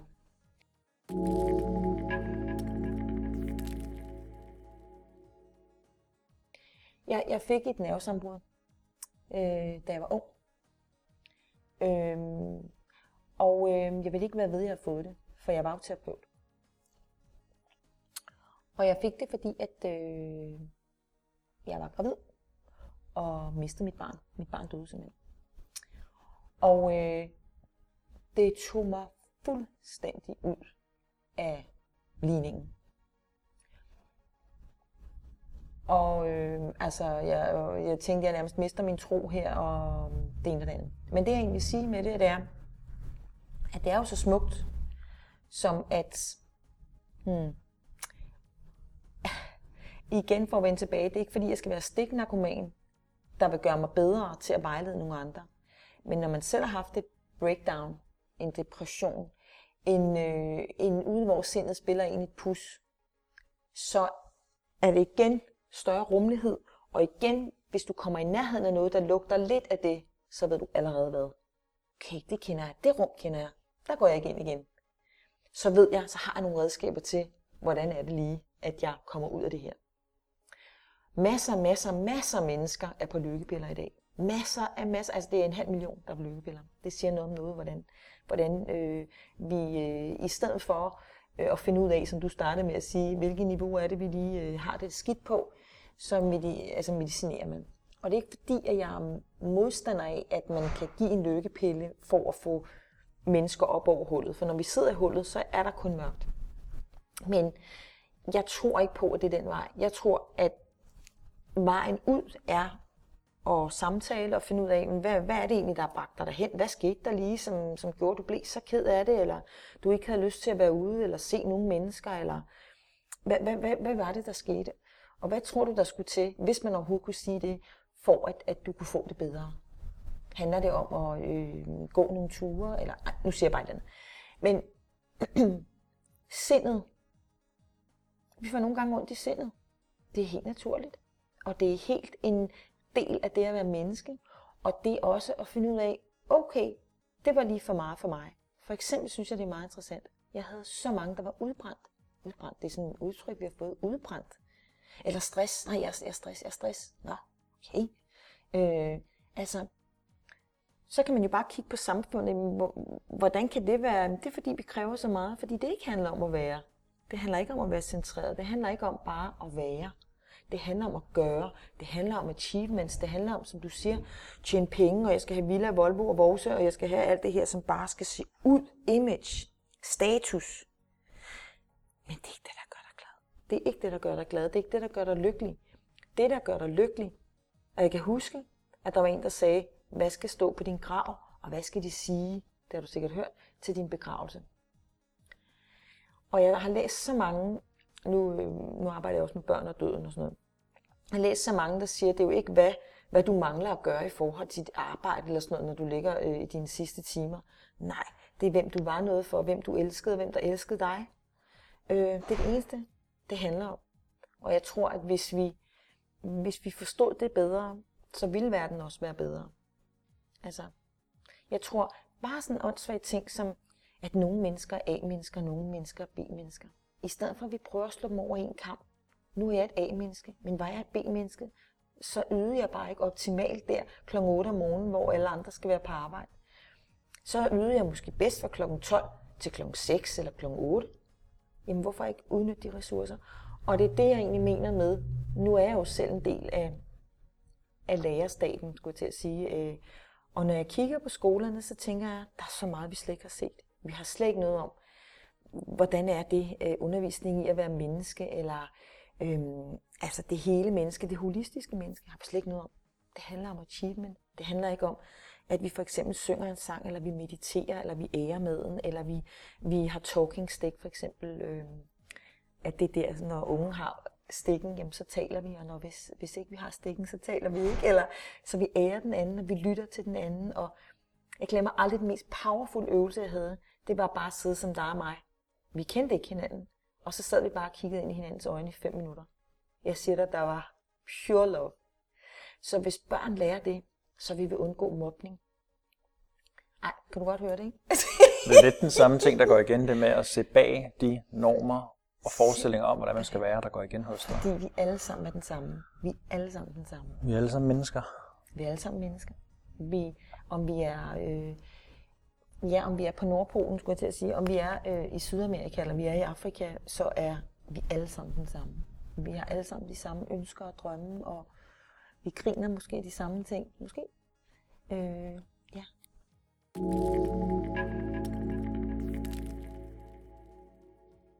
Hvordan ser du dig gå videre herfra mm. i forhold til det, hvor du er i dag? Nu har du startet noget terapi op igen. Mm. I forhold til det her med at opleve, at, hvordan er det lige, hvad er det, der er vigtigst for mig? Mm. Hvordan ser du dig gå videre herfra mm. i forhold til også at skulle varetage det her med at være musiker? Mm. Og stadig undervise og lave noget med børn. Mm. Hvordan kan du holde fast i dig selv og stadig være tro mod det, der er vigtigt? Jeg tror, fordi jeg altid har været det. Altså, jeg tror, at øh, jeg vil altid være det. Øhm, og noget, som udefra ikke kan synes øh, rigtigt, eller det er da mærkeligt, hun gør det. Altid velovervejet, altid mærket efter. Øhm, altså jeg har en ret udviklet intuition, som jeg videre, videre tror alle har, hvis man bare tuner ind. Øh, har en meget stærk mavefornemmelse. Så altså, det, det er jo ikke uden knups jo for eksempel, at man, når man følger sit hjerte. Altså, for eksempel har jeg sunget så mange genrer, i mit liv. Og det folk altid sagde, jamen hvem er hun egentlig? Hvad, hvad er det egentlig for noget musik, hun, hun synger? Og jeg, jeg hader at blive sat i bås. Så jeg blev bare ved med, om det var gospel, eller om det var spirituelle sange, eller om det var popsange, eller om det var på engelsk, eller om det var på dansk, eller det var til børn. Eller... Jeg tror bare, det handler om at gøre det, man har lyst til at gøre. Og når den kommer hos mig, så forfølger den 100%, at jeg går med den hele vejen. Så jeg tror, det er jo ligesom de små veje og stier og sådan noget, og man har den den store, fede hovedvej. Nogle gange kommer man ud på nogle små veje, hvor, ej, det var da den forkert. Man lige heller tilbage til den her store vej, fordi det er altså den, ikke?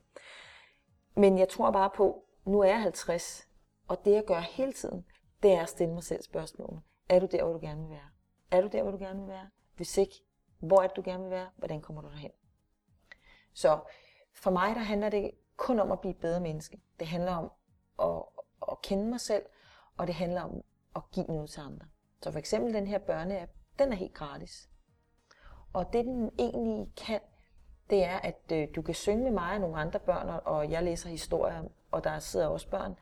Øhm, men så fortæller jeg om charity, og de er kun 3-6 år, hvad, hvad det er at give videre, for eksempel. Jeg læser kontroversielle historier om, at øh, for eksempel sidder jeg og læser øh, det at være donorbarn, fordi det er så meget op. Jeg er selv ambassadør i en masse organisationer, blandt andet i noget, der hedder, øh, øh, hvad hedder det, ja, Landsforeningen for ufrivillige barnløse, hvor det handler om, at der er så mange børn i dag, der er faktisk donorbørn. Der er adop- altså adopteret, der er alt muligt. Så lige pludselig har jeg fået min egen platform for at kunne læse noget til de små, eller forklare noget til de små, som måske vil sætte nogle refleksioner i gang. I forhold til, så kan jeg snakke med mor og far. Så kan mor, så sætter jeg dialogen i gang. Det er det, der er mit ønske. Det er det, der er mit ønske, at gøre verden bedre på den måde. For hvis vi alle sammen igen får vendt tilbage til det, ved noget om, det der med at give videre og gøre det bedre for nogle andre, så kan det ikke blive en helt dårlig verden.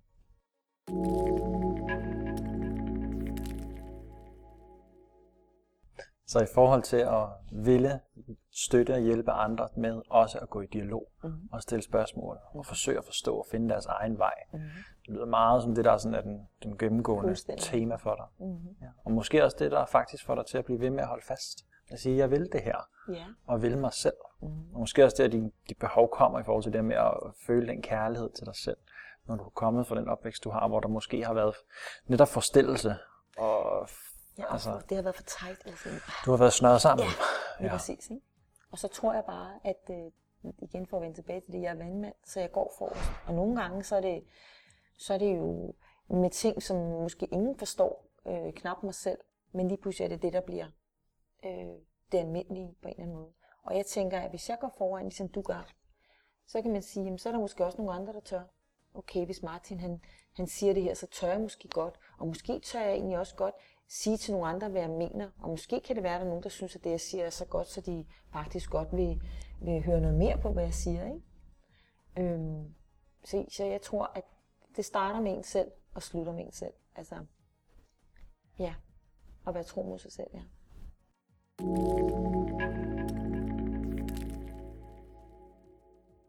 Hvad vil du gerne give videre ellers, hvis du sådan sidder selv tilbage med en fornemmelse ud fra det, du har med dig? Mm-hmm. Erfaringer og råd til andre i forhold til det her med at være tro mod sig selv mm. og leve et liv, der giver mening mm. på den måde, man nu i hvert fald synes, det giver mening. Mm. Hvad kunne du godt tænke dig at give videre? Så det, det er vigtigt at huske de her ting.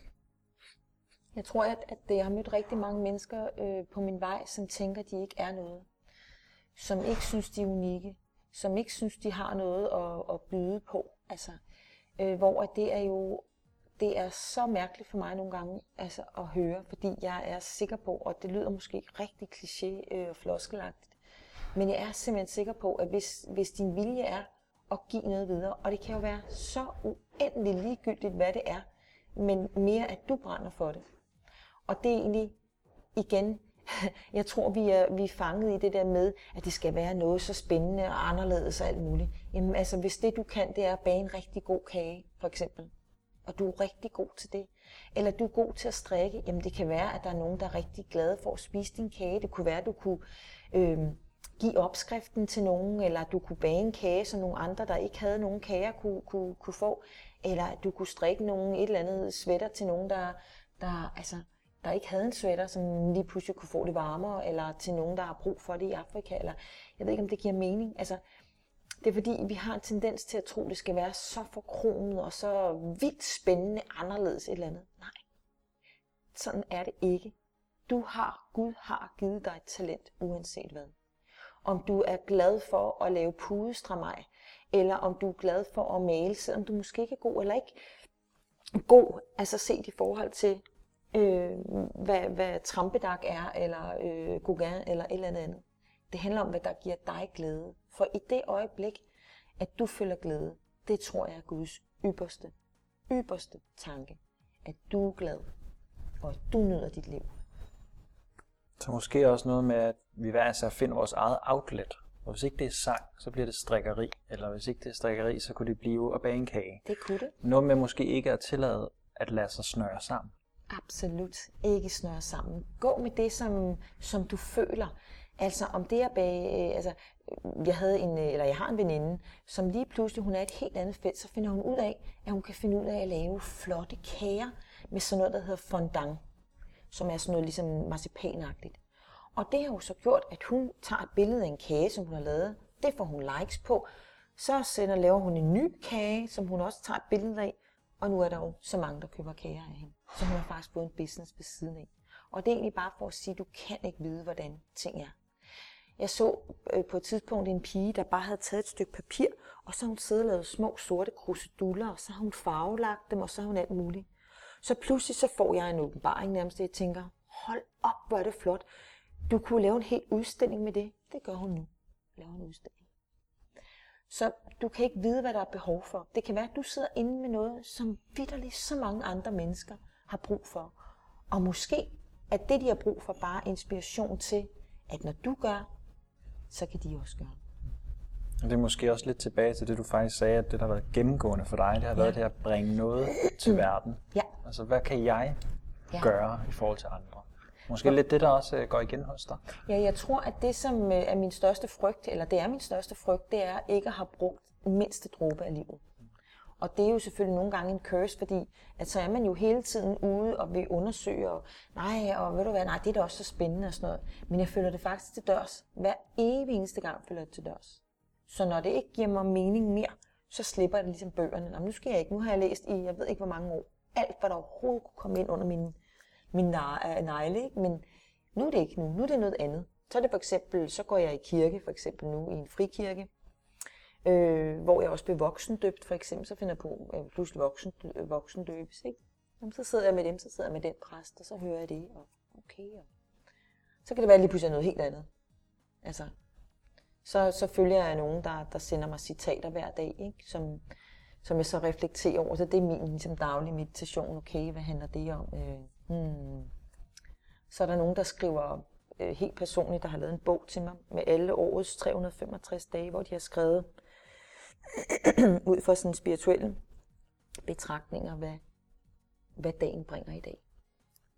For eksempel i dag, der handler det om at være sin egen autoritet. Lige præcis den her dag. Er det ikke sjovt for mig? Så skulle jeg mødes med dig. Spændende, ikke? Så du tog den på dig og sagde, det bliver i dag. Ja. Så hvordan bringer du det ud i resten af dagen, inden vi slutter? Hvordan vil du være din inden egen autoritet? Slutter, jeg tror faktisk, så handler det rigtig meget om at, at tage den hjem.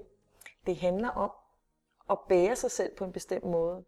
Og det handler om at være åben, og det handler om at være smilende, og det handler om, at hvis nogen kommer til dig, for det ved de, for det handler bare om, også bare hvordan du er i verden, hvordan du fysisk er i verden. For eksempel så kan jeg huske, at øh, der var min NLP-lærer, han sagde til mig på et tidspunkt, at for eksempel hvis du, hvis du rent i din øh, kropsholdning øh, kigger ned i gulvet eller i jorden hele tiden og sådan noget, så har du slet ikke outlooket. Og at rent fysisk, hvis du har det dårligt, så opfører du dig på en bestemt måde. Du ved, så sidder du måske ned, og, eller du ligger i din seng.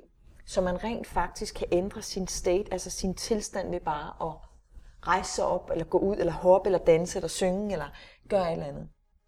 Så bare ved min posture i dag, ved min holdning, så vil jeg være åben så du vil og gå smile. Med, og... gå med værdighed? Ja, gå med værdighed. Åben pande? Ja, simpelthen. Det vil jeg Godt, det kunne også være en opfordring ja, til alle dem, der alle har, til alle dem, der har lyttet, på, ja. og måske nogle gange heller ikke helt føler sig elsket, mm. og kan tvivle på deres egen kærlighed, mm. eller de folk, de har omkring sig, deres kærlighed til dem. Mm. De mennesker, som forsmår sig selv og lader sig stramme ind, ja. og være i spændetrøje på grund af ja. det, de har været igennem, mm. og ikke føler sig gode nok. Ja. At det faktisk, der er så meget godt, de også kan og har med sig til det her liv. Det er præcis, jeg vil og sige. de måske også kan åbne sig lidt i dag. Ja. Gå med lidt værdighed og tage sig selv op og bevare sin integritet. Jeg er mere end det her. Mm. Jeg vil også eje min egen autoritet. Absolut. Og vi er en del af noget større. Det tror jeg også er rigtig vigtigt at have med. Vi er en del af noget større. Vi er alle sammen en. Det vil sige, dig og mig hænger sammen med tjeneren derovre, eller manden ude på gaden.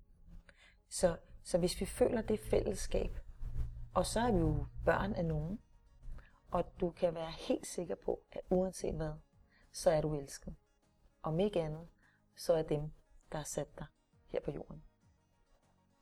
Og med det i mente, så vil jeg sige tak til dig, Tak. Monique, Tak til dig. for at du havde lyst til at dele.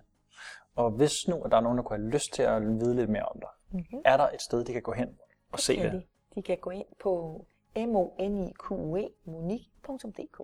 Monique.dk. Mm-hmm. Godt. Så der kan man blive stillet sin nysgerrighed, hvis det er det, man har brug for. Og man kan også skrive. Ja, man kan også skrive. Det kan man, man kan maile.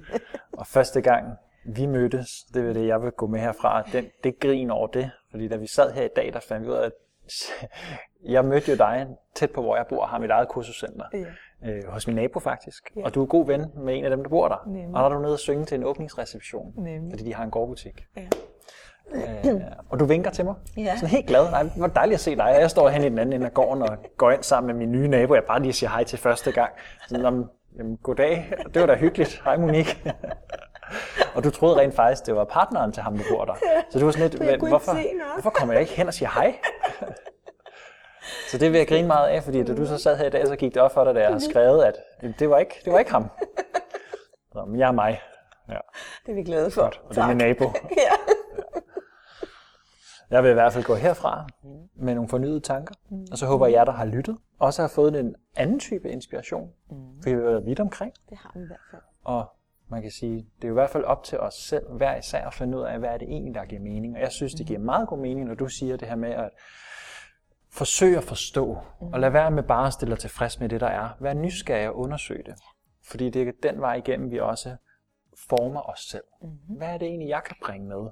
Uanset hvordan det så end er, man gør det, og hvad man tror på. Lige præcis. Så vær nysgerrig. Mm. Godt. Og til dig, der lytter, tak for den her gang. Tak fordi du var så interesseret. Og øh, du ved jo godt, du kan finde det her på staytrue.dk. Og som du også ved, så har jeg en Facebook-side, som hedder facebook.com-staytrue.dk. Der poster jeg videoer og en masse inspiration til dig. Tak fordi du lytter med. Ha' det rigtig, rigtig godt.